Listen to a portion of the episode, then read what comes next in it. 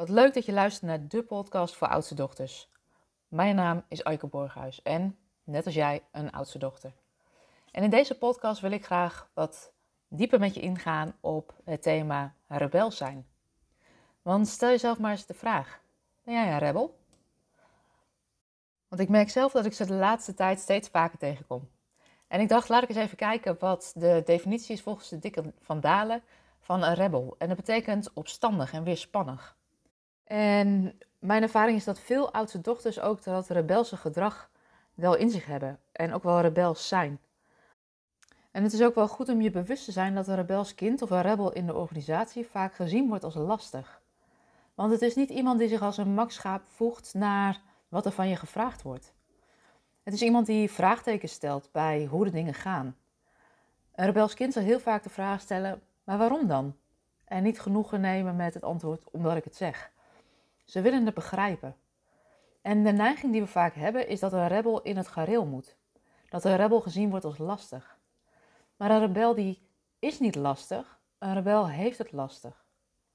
En als je vanuit systemisch perspectief gaat kijken naar een rebel, dan ontdek je dat deze persoon vaak hele waardevolle informatie heeft voor het organisatiesysteem.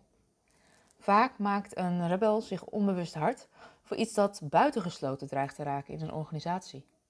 En meestal gaat het om een incident in het verleden van de organisatie dat weggestopt is, wat niet erkend is, waar niet meer over gesproken wordt. Je kunt denken aan een reorganisatie waarbij mensen zijn ontslagen zonder de erkenning voor wat ze hebben bijgedragen aan de organisatie. Een bedrijfsongeval waarbij een medewerker is overleden.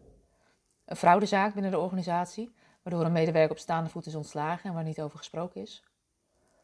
Wat je in bedrijven vaak ziet, is pas als deze organisatie erkend wordt, dat rebel zijn rebelse gedrag niet meer hoeft te vertonen. En het bijzondere is dat de rebel zich vaak niet eens bewust is van wat er gebeurt.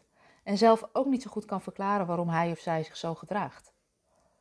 Als dit gedrag niet goed herkend wordt, dan bestaat de kans dat de rebel het systeem wordt uitgezet, ontslagen wordt, via de achterdeur vertrekt, omdat hij of zij lastig is om te sturen voor een leidinggevende.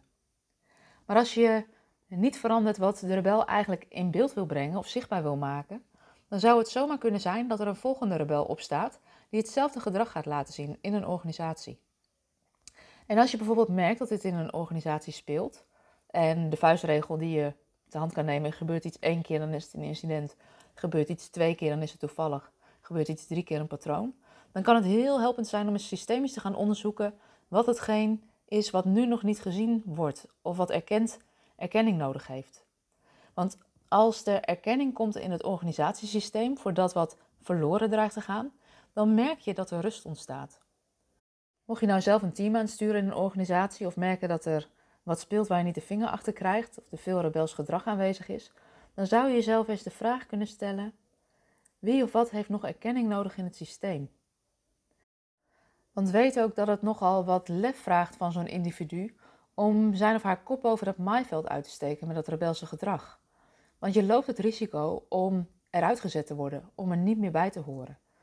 En daarin schuilt dus ook een enorme loyaliteit die vaak niet gezien wordt. Een rebel werkt ontzettend hard voor het systeem om het compleet te maken.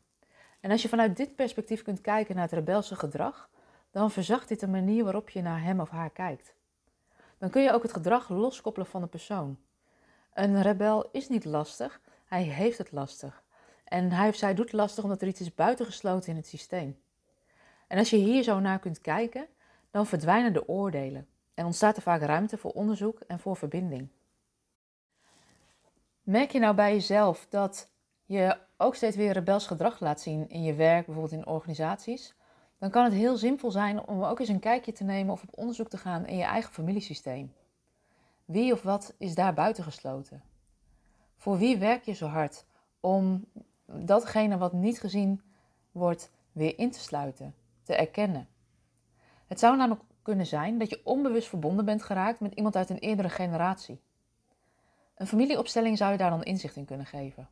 Want het patroon wat je zo vanuit je gezin zo goed kent, dat herhaal je vaak dan op andere plekken ook, zoals bijvoorbeeld in de werkcontext. Als je die rebelse rol makkelijk op je neemt en ook ziet wat de kwaliteiten daarvan zijn, dan kan het ook heel helpend zijn om te kijken vanuit welke plek je het meeste waarde kunt toevoegen in je werk. Als je deel uitmaakt van het organisatiesysteem, dan wordt rebelleren vaak gezien als lastig gedrag. Terwijl de vinger op de zere plek leggen, aanvoelen wat er in de onderstroom speelt en nodig is en daarmee kunnen werken, juist een rol kan zijn waar je als ondernemer of als zelfstandige specifiek voor gevraagd wordt in een organisatie. Dan word je juist ingeschakeld om lastige vragen te stellen, om die luis in de pels te zijn. Dan is het juist je kracht. Dus de vraag aan jou ook is: herken je dit rebelse gedrag bij jezelf? Misschien vroeger wel als kind. Weet dan dat je vaak over enorme leiderschapskwaliteiten beschikt als je je eigen plek inneemt.